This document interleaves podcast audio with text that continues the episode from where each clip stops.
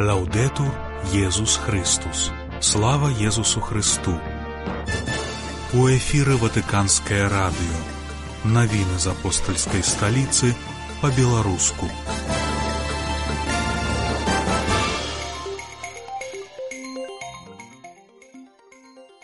Папа заклікаў да прыняцця ўразлівых людзей у касцёле і грамадстве. На думку кардынала параліна на блізкім усходзе ёсць пробліск надзеі. У другой частцы праграмы наша рубрыка прысвечаная повезям хрысціянства і літаратуры. Першага сакавіка вас святая Марыя Володзіна.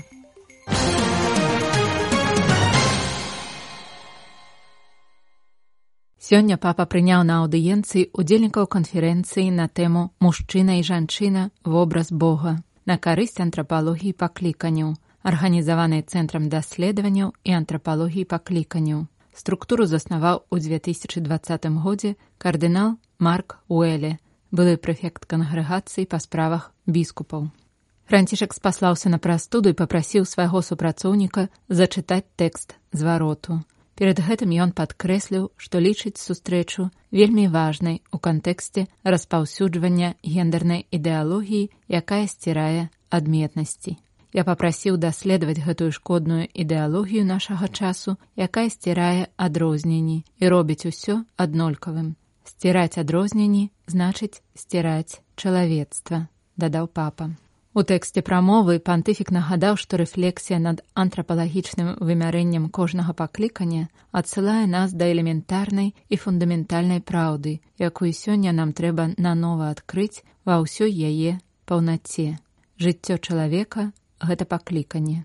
Больш за тое, сам чалавек з'яўляецца пакліканнем. Усведамленне гэтага на думку святого айца дапамагае адкрыцца на навакольны свет і іншых людзей, а таксама з радасцю і адказнасцю прыняць сваю асаблівую і асабістую місію, мэтай якой палепшыць свет. Гэта антрапалагічная праўда з'яўляецца фундаментальнай, бо цалкам адпавядае жаданню чалавечай рэалізацыі і шчасця, якое жыве ў нашых сэрцах, напісаў святы айцец, дадаючы, што ў сучасным культурным кантэксце мы часам схільныя забываць гэтую рэальнасць, рызыкуючы звесці чалавека выключна да яго матэрыяльных або першасных патрэб, як калі б ён быў аб'ектам бессумлення і без волі, якога проста цягне жыццё, як частку зубчатага механізму. Але мужчына і жанчына створаны Богам і з'яўляюцца вобразам творцы, Гэта значыць, яны нясуць у сабе жаданне вечнасці і шчасця, якое сам Бог уклаў у іх сэрцы і якое яны пакліканы рэалізаваць праз канкрэтнае пакліканне, падкрэсліў ён. Мы пакліканы да шчасця, да паўнаты жыцця, да чагосьці вялікага, да чаго нас прызначыў Бог. Жыццё кожнага з нас без выключэнняў. Гэта не выпадковасць. Наша існаванне ў свеце не з'яўляецца выпадковасцю, але мы з'яўляемся часткай задумы любові і мы пакліканы выйсці па-за саміх сябе і споўніць яе дзеля сябе і дзеля іншых дадаў пантыфік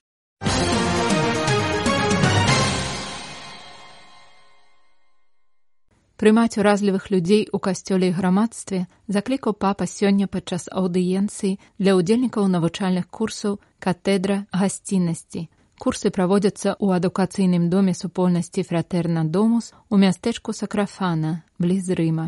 На думку францішка гэта правільнае месца не толькі таму, што гэты дом вялікі і абсталяваны, але і таму, што ён гасцінны. Гэта месца, дзе прымаюць пажылых людзей, сем'і, падлеткаў, мігрантаў.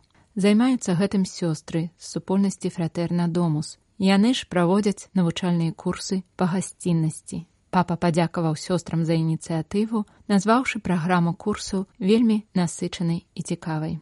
Цэнтральная тэма навучальнага цыкла уразлівасць. Пантыфік назваў выбар тэмы евангельскім і прапанаваў гасцям некалькі пунктаў для разважання. Па-першае, каб гасціна прымаць уразлівых братоў і сясцёр, трэба адчуваць сябе ўразлівым і прынятым Христом. Па-другое, большая частка служэння Езуса, асабліва ў галілеі, прайшла ў кантакце з беднымі хворымі. Гэта гаворыць аб тым, што для нас дапамога ўразлівым не можа быць пытаннем паліткарэктнасці ці добрай практыкай. папярэдзіў святы отец, заахвочваючы гасцей заставацца прывязанымі да Евангеля, да Езуса, які вучыў апосталу не планаванню дапамогі хворым і бедным, а ладу жыцця у кантакце з уразлівымі людзьмі сярод іх. Нарэшце у Евангелі бедныя і ўразлівыя не аб'екты, а суб'екты.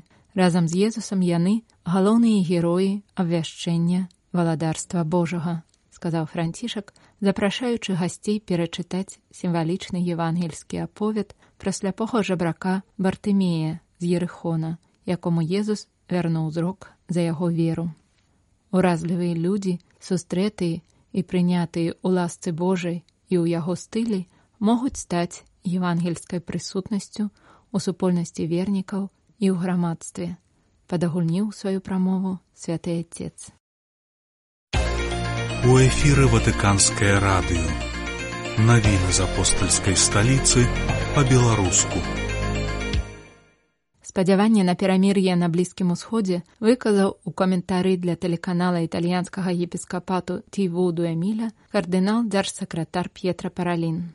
Мне здаецца, што на блізкім усходзе ёсць нейкі проблеск надзеі, сказаў бліжэйшы супрацоўнік святого айца, спасылаючыся на інфармацыю пра дыпламатычныя намаганні, скіраваныя на заключэнне перамір'я і аказання гуманітарнай дапамогі насельніцтву ў зоне канфлікту.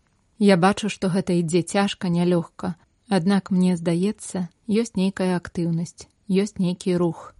Мы спадзяемся, што нешта зможа саспець і па-сапраўднаму стаць перамір'ем для гэтай змучанай тэрыторыі, дадаў кардынал паралін.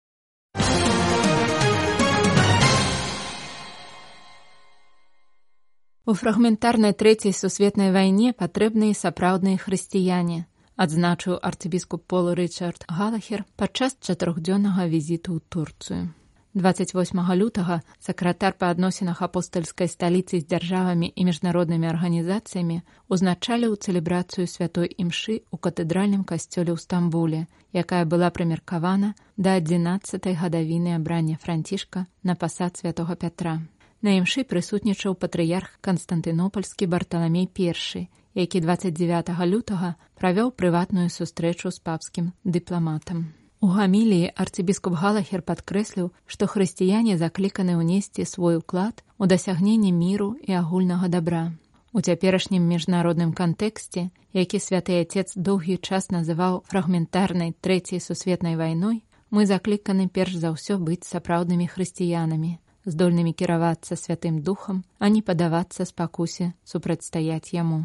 Мы ведаем, што святы дух парушае нашы планы, і прасовае касцёл наперад, таму што касцёл гэта адзінства ў разнастайнасці, падкрэсліў іерарх.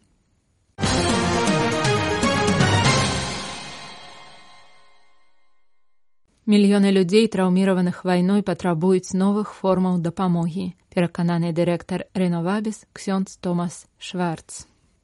Па словах святара, гаворка ідзе ўжо не аб стварэнні прытулкаў ці мабільных кухняў, але аб фінансаванні рэабілітацыйных мерапрыемстваў.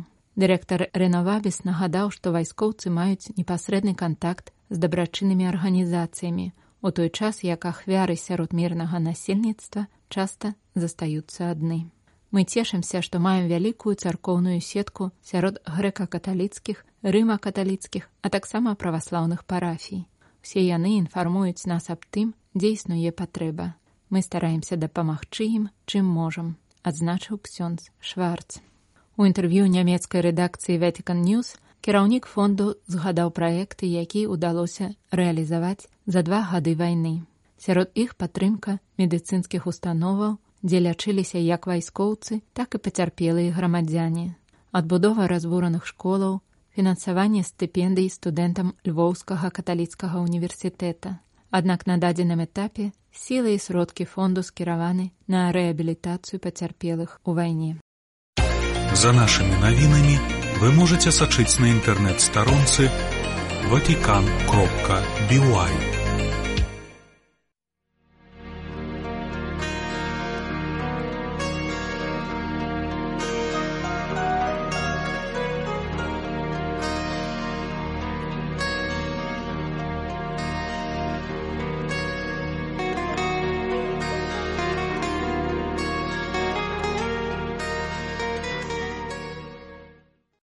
У эфіры ватыканскае радыё па-беларуску.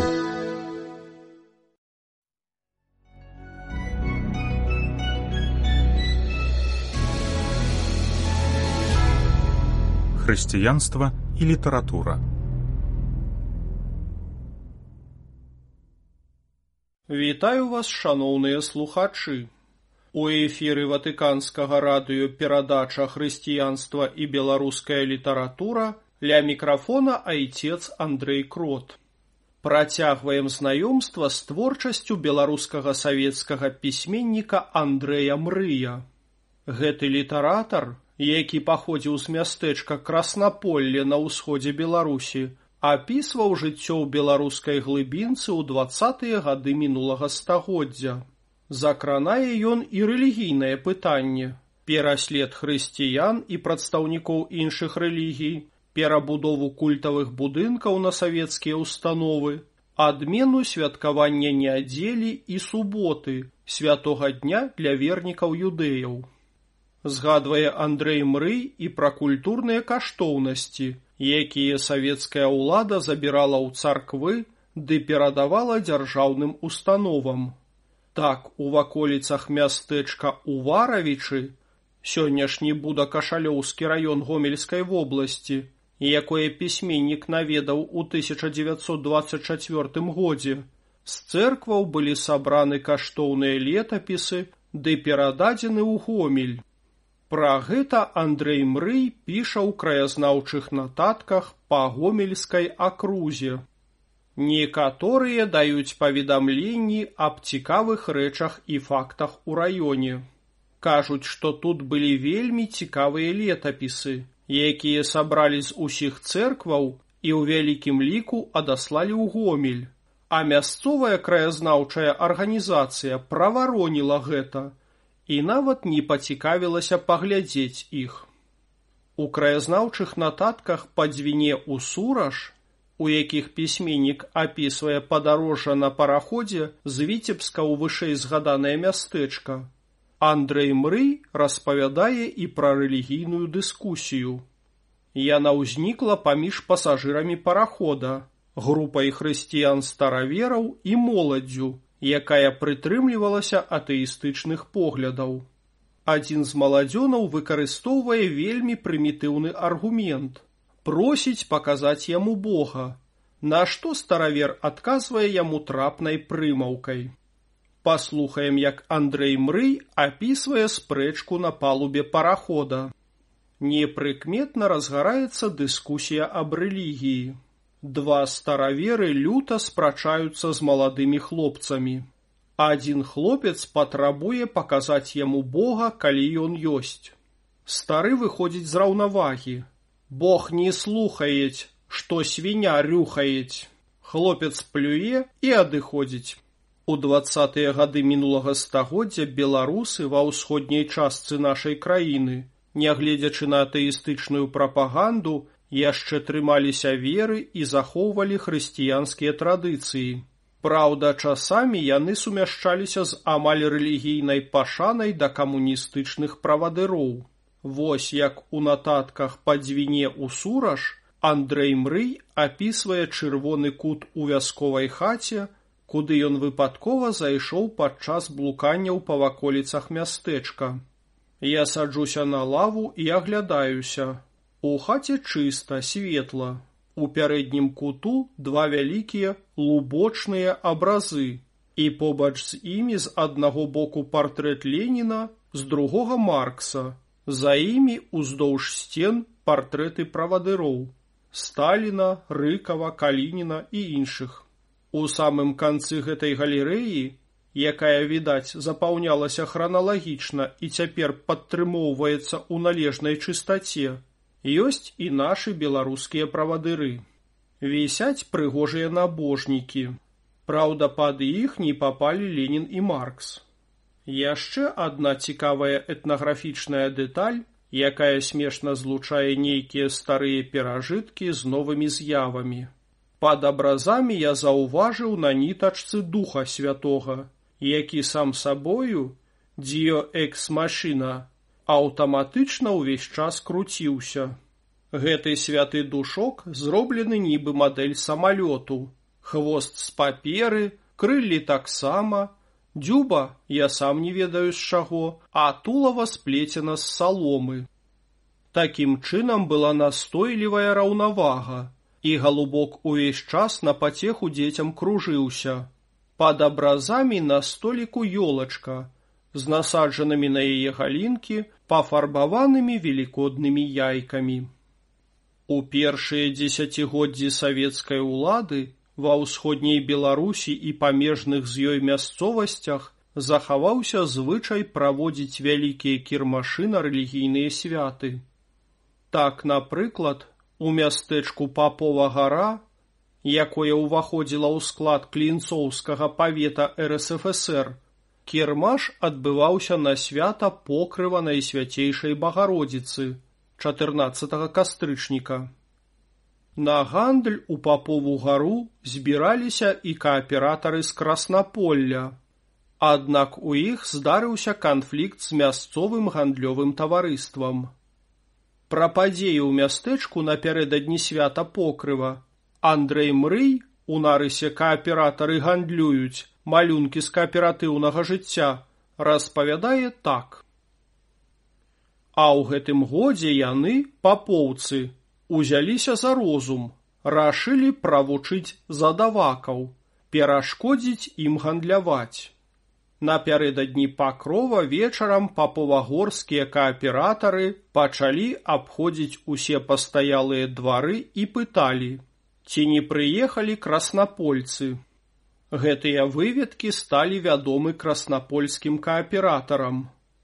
На другі дзень ведаючы, што іх шукаюць, самі пайшлі ў выканком. Кермаш на яшчэ адно свята апісвае Андрэй Мрый у апавяданні на кірмашы. Ён адбываецца ў свята дзесятуха, у дзесятую пятніцу пасля вялікадня, калі праваслаўныя святкавалі памяць параскевы пятніцы. Вось як пачынаюцца прыгоды на кірмашы двух галоўных герояў апавядання, якія прыехалі ў мястэчка горы і назіраюць абразкі з мясцовага жыцця. Два шчырыя прыяцелі Якуб пшык і самусь гарачы прыехалі з мястэчка круцялёўкі на кірмаш у вялізнае сяло горы. Там кожны год на дзесятуху адбываўся кірмаш на ўсю акругу. З'язджалася шмат народу з вёсак, мястэчак, гарадоў. Нават прадстаўнікі гомеля, навазыбкава клінцоў заўсёды бывалі тут. Пра тое, што ўбачылі Якуб пшык і самусь гарачы на кірмашы ў мястэчку горы, які, дарэчы, адбываецца і ў нашыя дні, мы пагаворым праз тыдзень. А сёння я з вами развітваюся. Заставайцеся з Богом. З вами быў айцец Андрей Крот.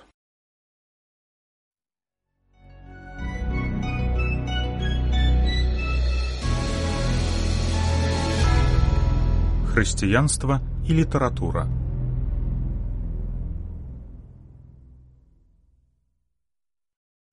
За нашымі навінамі вы можете сачыць на інтэрнэт-старонцы ватикан кропка бівай